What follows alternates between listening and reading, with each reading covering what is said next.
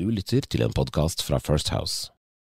Skandalene i Støre-regjeringen eh, fortsetter inn i 2024, og næringslivet kommer til å måtte tenke mye mer på natur i tiden som kommer.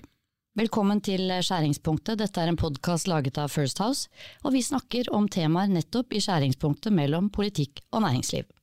Mitt navn er Cecilie Ditlev Simonsen, jeg er partner og rådgiver her i First House, og med meg i studio har jeg to kolleger som eh, har akkurat de samme titlene. Det er Jon Georg Dale Hei. og Sigbjørn Aanes. Hei.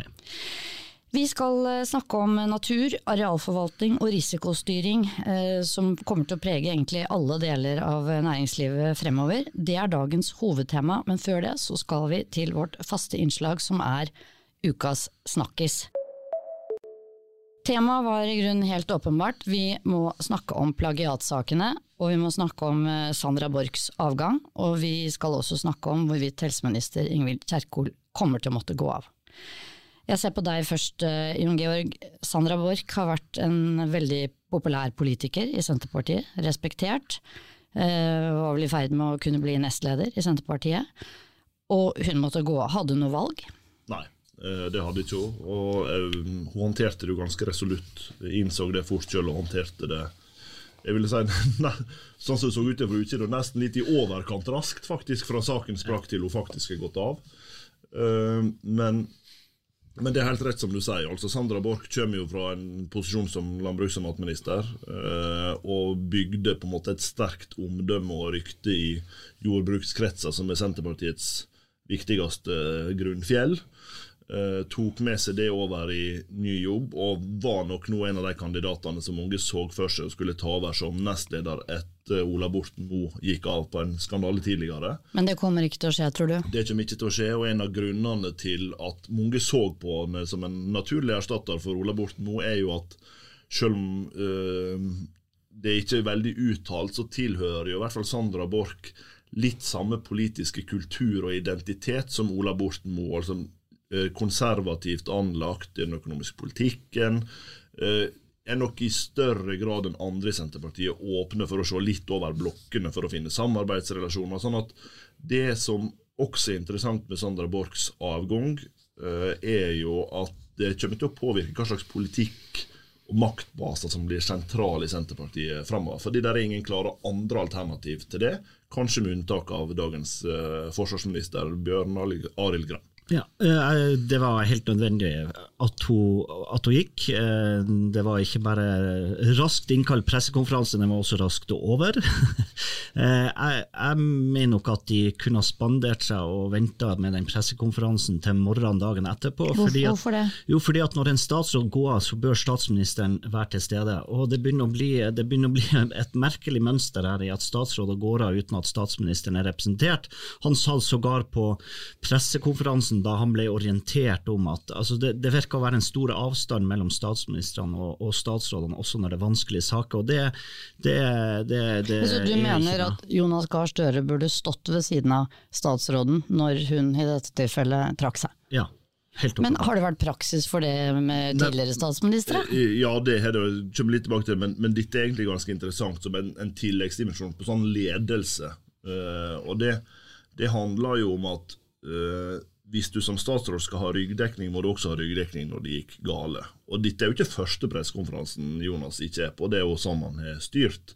Nei, det er ikke første statsråden han som går heller. Nei, det er ikke det. Men, hvis- men hvis vi går til sammenligning, da, går tilbake igjen til pressekonferansen der eh, Per Sandberg går av etter eh, sine Iran-turer i forrige regjering, der det åpenbart skjedde et tillitsbrudd også mellom han og daværende statsminister Erna Solberg, så står Erna Solberg likevel på pressekonferansen og takker nå for de positive bidragene, og sender nå liksom soft ut døra. Men, men Støre tar liksom, holdt på å si, synlig avstand, egentlig, fra Ja, ja, ja. sine folk, da. Altså spørsmålet, Er dette planlagt, altså er det en strategi, eh, eller er det eh, praktisk? Eh, Uansett, de burde ha venta til dagen etterpå. Statsministeren burde vært til stede når folk gikk av. Men det kan jo hende at det er et valg fra statsråden selv? At, eh, at hun rett og slett ønsket å gjøre det alene? Kunne hende hun ikke ønsket eh, Støres kommentarer samtidig? Jeg bare spør, jeg. Det kan, det kan godt hende, men jeg synes på, på statsministeren så syns jeg vi ser systematikk i dette over tid. Det har skjedd hver gang. og Hvis vi tar Anniken Huitfeldt-saken, går litt tilbake igjen til den, så hadde han i utgangspunktet tillit. Og når han bytta den ut, så sier han at det var bare bakgrunnen av den saken. Så liksom, det er et eller annet med avgangen og måten det skjer på, som sett fra utsida ikke virker veldig tillitvekkende sånn personalhåndteringsmessig. da. Uh, og det tror jeg liksom er viktig uh, for de av oss som har sittet rundt et regjeringsbord. så vet du at ofte så er det ytre press, ytre kritikk. Uh, og da er det veldig trygt å vite at du har en statsminister i ryggen nesten uansett hva som rammer det. Mm. Og så skjer det åpenbart tillitsbrudd i det som har skjedd en del av disse avgangssakene. Men jeg tror likevel at for hele laget så hadde det vært en større styrke hvis han gjorde det. Så til, til Sandra Borch. så det er klart, Den håndteringa skjer så raskt at det er umulig for andre å koble seg på. Mm. Uh, og jeg tror at uh, det som er vår vurderinga til Borch når hun gjør det, er ganske enkelt at hun ikke skal la seg drive inn i en situasjon der hun svarer delvis på enkeltelement og lignende, men hun skjønner, hun skjønner at denne saken kommer jeg til å måtte gå på, og bestemme seg for å eie det fra start, og håndtere det dermed så resolutt at det kan virke nesten litt overivrig. Og det ville gjort det enklere å kunne komme tilbake når du håndterer det så resolutt, ja. faktisk. Ja, det kan du si. Men så har vi jo da en annen statsråd, eh, Ingvild Kjerkol, som eh, foreløpig i hvert fall eh, blir sittende. Kommer hun til å måtte gå? Det, er sagt, det kommer litt an på. Altså Hvis Nord universitet, Nord universitet går gjennom saken og finner ut at de skal Eller mener at dette har vært et så stort omfang av plagiat at graden f.eks. står på spill, så tror jeg hun må gå. Eh, men sånn som det ser ut akkurat når vi skriver klokka halv ett, halv ett i dag, mandag 22., eh, så så ville jeg tenkt at det er også mulig for Ingvild Kjerkol å berge seg gjennom dette. Mm. Sånn at det er en mindre klar sak enn Sandra Borch sin, og den har nå to tenkelige utfall. Det ene det er Kanskje tre, faktisk. Det ene det er at Ingvild Kjerkol ryker fordi at innholdet i saken er mer alvorlig enn det ser ut til akkurat nå, og dermed Nord universitet konkluderer sånn. Det andre er at hun kløner i håndteringa av det, sånn at det er håndteringa som feller, og ikke sakens innhold. Hvis hun blir tatt i å si noe som ikke stemmer, f.eks.? Eksempel, eller uh, gjør litt som hun gjorde i helga, underslår alvorlighetsgraden i måten hun håndterer det på, slik jeg oppfatter det. Og det tredje scenarioet er jo at statsministeren, helt uavhengig av håndtering eller sakens innhold, ikke tåler flere skandalesaker og sender det på dør. Lar seg presse, kanskje? Ja, ja det, det, er jo Det kan også skje, men, men, jeg mener ikke at det er gitt at, at helseministeren må gå av sånn som, sånn som saken står nå.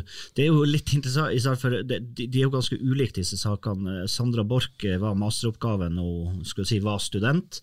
Eh, helseministeren skrev masteroppgave mens hun var stortingsrepresentant sam, sammen med en, en rektor. Eh, begge voksne damer med skal si, jobber og verv, og var ikke noe avhengig av denne masteroppgaven eller graden for, for verken å få seg jobb eller karrieren sin. Så, så det er liksom vanskelig, syns jeg, å få øye på noen motivasjon for, for å skulle eh, sette karrierene sine på spill. For en, eh, det kan bare ha vært klønete? Ja, altså, eh, ja. Eller slurv, slurv kanskje? Altså, sånn som det er nå, i hvert fall, så, så, man vet jo aldri, men så, så velger jeg å tro at det, det, er så vanskelig å se hvorfor i alle dager skulle de gjort det. Fordi de, de, hadde si, gode jobber verv. Ingvild Kjerkol visste på det tidspunktet at de lå an til å vinne valget, og sannsynligvis vil bli statsråd. Hvorfor skulle de selv sette alt det på spill for? For, for, dette, det, det, det, skjønner jeg rett og slett ikke. Og det, det, er en ting som understøtter det, og det at hun i dag sier liksom at påstandene er absurde. Altså Hvis du veit at det er liksom, rimelig grad av sannsynlighet for at du blir tatt med buksa nede når Nord universitet går gjennom oppgaven på nytt, og så Vær sier du det, og så sier du det, da har du på en måte Da har du lagt de, de eier, du lager de egen bane. Da ender det med at du kjører utfor stupet. Men hvis hun sier det fordi hun er så trygg på at dette lander rett, så har hun jo en bedre sak. Og da kan du tillate deg mer innslag av arroganse i håndteringa. Har vi noen gang hatt en regjering eh, med så mange statsråder som har måttet gå på så kort tid? Nei, ikke i si, min politiske levetid, så har vi jo ikke det. Eh, og så er det, det er klart det er et helt annet, kall det trøkk på muligheter for å ettergå og se på alt i, i dag enn det var for ti år siden. Så det kan godt hende at det bidrar. Eh, men det som, er, det som igjen er er faren med, med, med, alle disse skandalene det som skjer nå, det, er, det, det, det, tror jeg er større enn denne regjeringa. Det, handler om rekruttering til politikken. Vi har sett nå to uh, Frp-ere som har varsla at de ikke tar gjenvalg, og, og det kan godt uh, hende det kommer flere som ikke, ikke tar gjenvalg nå etter hvert. og Jeg tror også det er en sånn trøtthet blant en del politikere i, i altså Orker man å bruke tida og livet sitt på dette når man kan ha en vanlig god jobb og eh, for så vidt både tjene bedre og ha et, uh, ha et, bedre liv. Vi kan, i hvert fall, vi kan i hvert fall konkludere med at skal man uh, prøve seg som politiker, toppolitiker, så uh, må man jo enten vite at man har holdt sin sti ren, eller så må man være åpen om det man har gjort gærent i forkant, sånn at de som skal utnevne eller velge deg, Men jeg vil, Jeg vil også ha politikere som har gjort ting gærent, for hvis vi bare får sånne eh, prakteksemplarer av politikere, så vil de rett og slett ikke være representative for å De som, satt, de som satt på første rad til høyre og retta opp handa først i klasserommet ja, er galt, hva er galt med de? Nei, kan ikke bære oss om det, det, det er ikke noe gale med dere, Cecilie, men vi vil ha litt av oss andre også. Det er veldig bra. Så skal vi til dagens hovedtema, og det er natur. Eh, regjeringen har satt ned et eh, utvalg som skal komme med anbefalinger knyttet til naturrisiko, eh, og hvordan redusere tap av natur og tap av biologisk mangfold i Norge. Og dette kommer til å ha store konsekvenser for uh, egentlig ganske mange av oss, men som du har sagt mange ganger, Sigbjørn, næringslivet har foreløpig stort sett, det er noen unntak, men stort sett vært helt fraværende i debatten om natur. Uh, og siden vi er så heldige å jobbe med mange ulike bedrifter, så vet vi at dette har, det har egentlig ikke vært noe stort tema i de fleste ledergrupper. Men nå må det bli det, og nesten på overtid. Ja, ja nå må næringslivet må på banen. Uh, og, og uh, altså Hvis man skal se krystallkula om hva som blir viktig framover for si, nær sagt de fleste virksomheter, så kommer dette med natur kommer til å bli viktig, åkke, åkke som. Eh, og så tror jeg mange, mange ledergrupper syns det er vanskelig, for du, du, du, vet ikke helt hvor du skal starte, du vet ikke helt hva skal vi egentlig gjøre. Eh, men, men jo, det gjør heller ikke norske myndigheter, så, så, så alt er nå på en måte blir til mens, mens man går.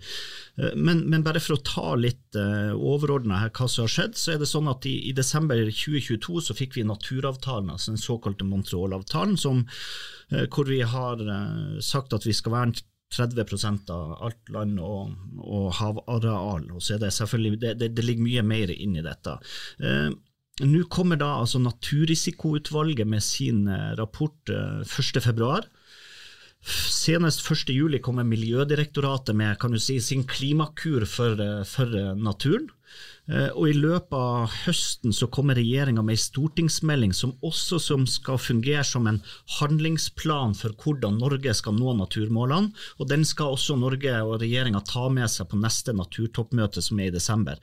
Det betyr at det siste året og nå skjer det veldig mye utforming av politikk. Her kan komme krav og regelverk som kommer til å påvirke virksomheter rundt omkring i landet, og det utformes nå. Og Da er det veldig dumt, eh, og jeg vil si veldig risikabelt, eh, å ikke være på banen. Og du ser i, i eh, Nå har det jo blitt mye medieoppmerksomhet om dette òg. Bård Tufte Johansen har laga en programserie på NRK. Det lages flere saker om dette, og, og, og det som kjennetegner alle de sakene som lages, stort sett, er at næringslivet er ikke der. Det preges av organisasjoner og, og andre denne debatten nå. Men eh, når du sier næringslivet må komme på banen, eh, hvis vi kan være litt konkrete. Altså, hva, hva, tenker du at bedrifter skal gjøre? Nei, altså for det første så er det viktig å forstå hele problemstillinga og problematikken. og Der er det nok flere som er i gang. Og så vil jeg si Finansbransjen er jo kommet lengre, tror jeg. Her er resten av norsk næringsliv. Finans Norge laga jo en, en, rapport også med WWF eh, tilbake i tid, så de, så de, har vært veldig på. Ida Kreutzer, som var leder av Finans Norge, nå i NHO, sitter jo også i Naturrisikoutvalget, så finans er langt, eh, langt framme. Så, så, så, det viktige man gjør i, i ledergruppen nå, er jo å forstå problematikken rundt natur og hvorfor det kommer så sterkt. Og så må man begynne å jobbe med virksomheten sin. Hvordan treffer dette oss? Hva kan det bety? Hvordan kan vi utforme regelverk og krav som gjør at vi kan både ivareta og ha virksomhet samtidig som vi klarer å ta vare på naturen bedre enn vi gjør i dag. Og hvilken, ja, og hvilken si, virkninger har uh, bedriften på natur?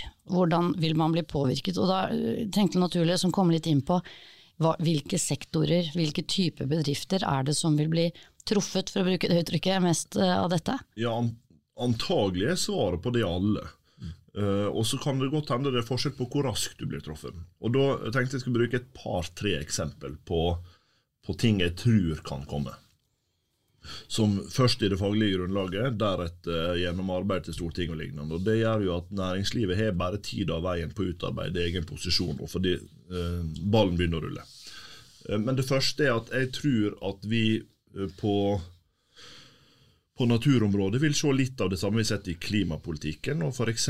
på bygg. Hvis vi husker tilbake igjen til rammeverket og regelverket som nå f.eks. ligger på klimanøytralitet i bygg, liksom gjennom TEK 7 og 10 og 17, og liksom det, det surrer og går. Stadig mer tildragning på regelverkssida. Det tror jeg vil kunne se litt opp i, fram i tid på det meste av regulering også på naturområder. Med andre ord tydelig, tydeligere krav til hvordan du kan bruke areal, til krav til erstatningsareal og lignende. Og det kan påvirke alt av reguleringsplaner, det betyr alle sektorer. Helt konkret.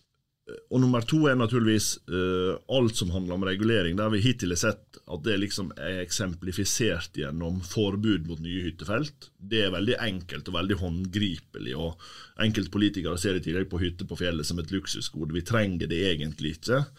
Men det er klart at dette vil jo eh, over tid kunne påtvinge seg i alle deler av, uh, av eiendomsmassen. Uh, og det er klart at når en begynner å se at den ballen ruller, så vil konsekvensene av dette kunne vært eh, mye større reguleringer enn det som vi i dag snakker om, som gjelder bare hyttefelt. Dette vil ikke minst alle reguleringer på f.eks. transportområdet. Du får ikke rett og slett slite med å få regulert korridorer til mm. f.eks. nye veier. Ja. Eh, det kan også legge eh, press på noe annet, for det er mange hensyn en nå må ta. Nå skal vi ikke dyrke ned myr. Vi skal ikke bygge ned ny jordbruksareal. Og vi skal ikke bygge ned natur. Ja, Hva er det som f.eks. kan komme da? Jo, det at vi må ta skogareal. og det betyr, Ryker markagrensen? Ja, men det, det, betyr i hvert fall at i områder der skognæringa f.eks. er stor, så vil jo de fort kunne oppleve at det blir press på det siste arealet som gjenstår. Og da får vi ha konflikter mellom natur på den ene sida og klima på den andre, der skognæringa er liksom helt sentral. Så det er mange eh, problemstillinger som dukker opp i det. Ja, og, og, og, Der tror jeg vi fort også får en interessant debatt, for det, det, er ganske bred enighet om at vi er nødt til å bygge mer eh, fornybar energi for å nå klimamålene, men det er klart at eh, der vil vi også få eh, brytning mellom, mellom natur og klima. Eh, mellom det å bygge ny vindkraft på land eller, eller solkraft. og og, det å bevare natur. Så det, det blir mange dilemmaer framover som ja. kommer til å bli krevende for, for, for næringslivet og for, for oss som, som, samfunn, som gjør at eh, som gjør, Dette må bare tror jeg, næringslivet både forstå og være med på. Ja, så Når utvalget kommer med sine forslag, så er det første bedrifter må gjøre, er jo rett og slett å gå igjennom og uh, gjøre vurderinger, kartlegge på hvilken måte egen virksomhet faktisk eh, ja, hvilket, Rett og slett hvilket naturavtrykk bedriften har. Ja, Nei, si, det, det, det, Der vil vi nok slite med noe av det samme. Det er klart at Nå kommer etter hvert mange til å trenge kompetanse samtidig. og Det gjelder ikke bare norsk næringsliv, det gjelder spesielt også ute i, i norske kommuner. Over 80 norske kommuner har vedtatt at de skal være arealnøytrale. Eh, eh, så, så, så, så, det kommer til å være et behov for, eh, for, kompetanse der ute for å i det hele tatt få til dette. Hva, kan ikke du bare si, hva, hva betyr å være arealnøytral? Vi har jo snakket snakket om klimanøytral, men arealnøytral. Ja, Det betyr jo i, egentlig i realiteten det samme, hvis vi skal forenkle det litt. så Hvis du tar, hvis du tar et nytt område og, og, og bygger ut eh, kall det f.eks. ei boligblokk, så må du tilbakeføre et annet eh, område til, Og det, til og det er det interessante, for når du ikke kan gjøre det med myrareal, når du ikke kan gjøre det med jordbruksareal, eh, så er det liksom spørsmålet skal vi bryte opp ei tomt for å få bygge på ei ny. Altså Det kommer til å være kjempemange dilemmaer der. Og så kommer vi til å bli tvungen inn i det, spesielt på energiområdet, det som Sigbjørn var inne på. Fordi På den ene sida så bestiller politikerne full elektrifisering av samfunnet på alle måter. Vi skal gjøre oss mindre avhengig av fossile energikilder, og vi skal til slutt fase dem ut. Så sier vi at samtidig skal vi gjøre det, så skal ikke vi bygge ned natur. Så det vil gjøre at grunnlaget for å faktisk holde oss med energi til den elektrifiseringa som vi skal gjennom, det er ikke det politisk flertall for. På den andre side så er det heller ikke noe aksept verken i næringslivet i stort eller i politikken for å tenke liksom atomkraft og den veien, for det tar for lang tid.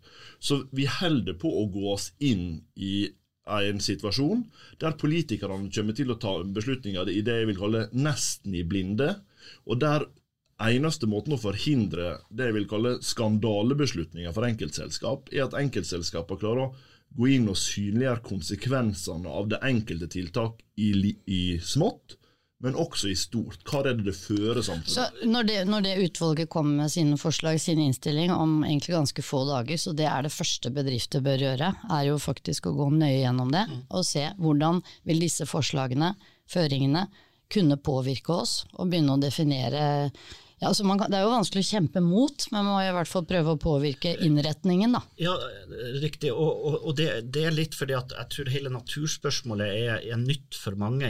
Vi, klimadebatten har vi vært igjennom så lenge, mens natur har kommet veldig raskt og veldig sterkt nå de siste to årene. sånn at kall det, kall det, ikke, det er ikke gitt at alle er innforstått med problembeskrivelsen.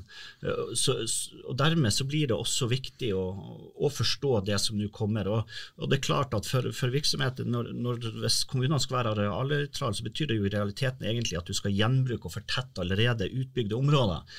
Det kan føre til økte presser på priser i, i områder som, som allerede er benytta.